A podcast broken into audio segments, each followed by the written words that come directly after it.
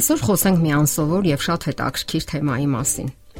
Ինչ կապ ունեն փնթիությունը եւ մարդու վարքագիծը։ Դուք նկատել եք, որ մարդիկ դժվարությամբ են ազատվում տան հին իրերից։ Շատերը կրապաշտության աստիճանի պահպանում են հին իրերը։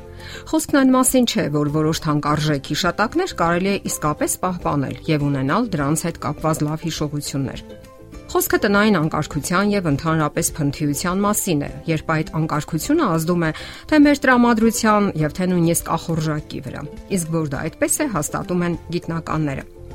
Մարդկանց եւ իրերի աշխարհի հետ փոխհարաբերության առանձնահատկությունները միաժամանակ ուսումնասիրել են մի քանի համալսարաններ։ Ինչ է տեղի ունենում մեզ հետ, երբ ապրում ենք քաոսի մեջ։ Վերջերս լույս է տեսել կախարդական մակրություն, թեթև ճանապարհ դեպի երջանկություն, վերնագրով գիրքը, որն անմիջապես դարձել է ամենաշատ վաճառվող գրքերից մեկը։ Գրքի հեղինակը մակրության եւ կարգու կանոնի ջատագով ճապոնուհի Մարի Կոնդոն է։ Նրա սկզբունքը հետևյալն է. մի անկյունում կուտակեք հին իրերը եւ ապա առանձին առանձին վերցնելով դրանցից յուրաքանչյուրը ազնվորեն հարցրեք ձեզ. արդյոք անհրաժեշտ է այն ինձ եւ արդյոք այն ուրախություն է պատճառում։ Ի վերջո այդ ամենը կուտակելը, մակրությանն ու պահպանելուն հետևելը հոգնեցնում է եւ վնասում առողջությունը։ Իսկ եթե հաշվենք նաեւ ծախսած գումարները, ապա պատկերը լիակատար կլինի։ Իրերի եւ նյութիզմի հիմնախնդիրներից մեկն այն է, որ արևմտյան աշխարհը այսօր խեղդվում է իրերի առատության մեջ։ Բնականանները լեցուն են ամենատարբեր իրերով։ Մարդիկ հաճույքով վազվզում են խանութներում եւ գնումներ կատարում՝ հագուստներ, կոշիկ, մանկական խաղալիքներ, սուրճի պարագաներ։ Եվ դրանք աստիճանաբար կուտակվելով դառնում են հոգսի աղբյուր։ Այսպիսի հետաքրքիր փորձ են կատարել բրիտանական Կոլումբիայի համալսարանում Ուսանողներին առաջարկել են ընտրություն կատարել։ Նրանք 20 դոլարի սահմաններում պետք է կամ գնումներ կատարեին, կամ էլ այդ գումարը ներդնեին որևէ իրական փորձառության, ճանապարհորդության, էքսկուրսիայի կամ հանդիպումների մեջ։ Ծախսելով գումարը երկու խումբն էլ հավասարաչափ երջանիկ էին։ Սակայն արդեն 1 ամիս հետո գնումների պատճառած ուրախությունը ջնջվեց։ Իսկ ահա ուղևորությունների պատճառած ուրախությունը, իրական փորձառությունները պահպանվեցին, եւ նրանք, ովքեր ընտրել էին գնումները, արդեն կարիք ունեին ուրախության նոր դոպինգի, հերթական գնումների։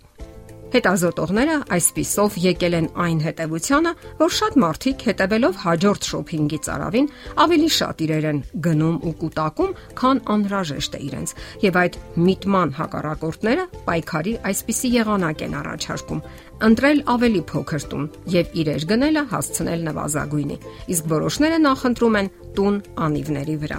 Ընդ որում նշենք, որ նվազագույնի գաղափարախոսությունը այնքան էլ նոր չէ։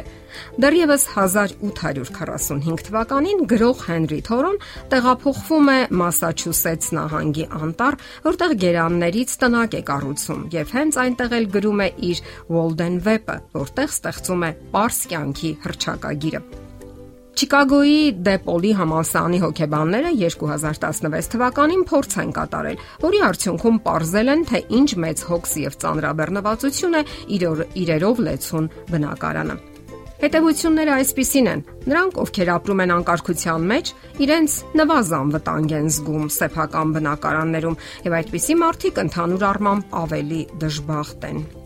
Այլ փորձերի արդյունքներում ողջվել է նաև, որ տնային անկարգությունը ավելի շատ ազդում է կանանց վրա, քան տղամարդկանց։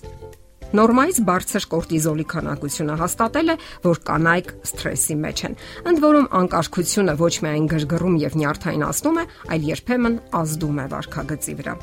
Դարձյալ փորձեր են կատարել հավաք կոկիկ բնակարաններում եւ խոհանոցներում եւ անկարգ ու փնթի բնակարաններում։ Կոկիկ խոհանոցներում մարդիկ ավելի քիչ են կերել։ Մեկ այլ փորձի ժամանակ մարդկանց առաջարկել են բարեգործություն կատարել եւ սենյակներից դուրս գալուց առաջ ընտրություն կատարել։ Իրենց հետ վերցնում են կամ խնձոր կամ կոնֆետ։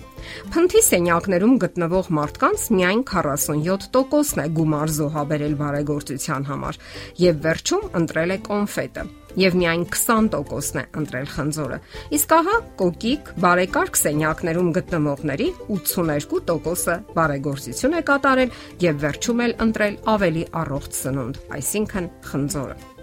Ուրեմն այսպես, քաոսային միջավայրում մենք կորցնում ենք հավասարակշռության եւ ճիշտ որոշումներ կայացնելու ընտունակությունը։ Եվ եթե ցանկանում ենք կենտրոնանալ որևէ առաջադրանքի վրա, ապա ավելի լավ է դա անել կարգու կանոնի մեջ, որpիսի մեր տեսողական ապարատը չշեղվի ավելորտ իրերի վրա։ Հիմնախնդիրն այն է, որ մարդը զարմանալիորեն արագ է հուզականորեն կապվում իրերին, իսկ որոշ իրեր նույնիսկ դառնում են սիրելի եւ անբաժանելի։ Ընդ որում այդ կապվածությունը սեփական իրերի հանդեպ երբեմն այնքան ուժեղ է լինում, որ ախտաբանական ձևեր է ընդունում։ Հոգեբաններն այդ դեպքում առաջարկում են օգտագործել ախտաբանական կուտակում արտահայտությունը, որը 2013 թվականին որպես առանձին ախտորոշում ներառվել է հոգեբանական խանգարումների ցուցակում։ Այսպիսով գալիս ենք այն հետևությանը, որ նյութի իրերի հանդեպ հակվածությունը կամ մոլությունը, եթե նույնիսկ ախտաբանական տեսք չի ընդունում, ապա նվազագույնը բացասաբար է ազդում մարդու բնավորության վրա։ Դե ինչ, ընտրենք այն, ինչը անհրաժեշտ է բնականon եւ համեստ կյանքի համար։ Դա եւ կարեւոր է եւ նպաստում է մեր առողջությանը։ Եթերում առողջ ապրելակերպ հաղորդաշարն է։ Ձեզ հետ է Գեղեցիկ Մարտիրոսյանը։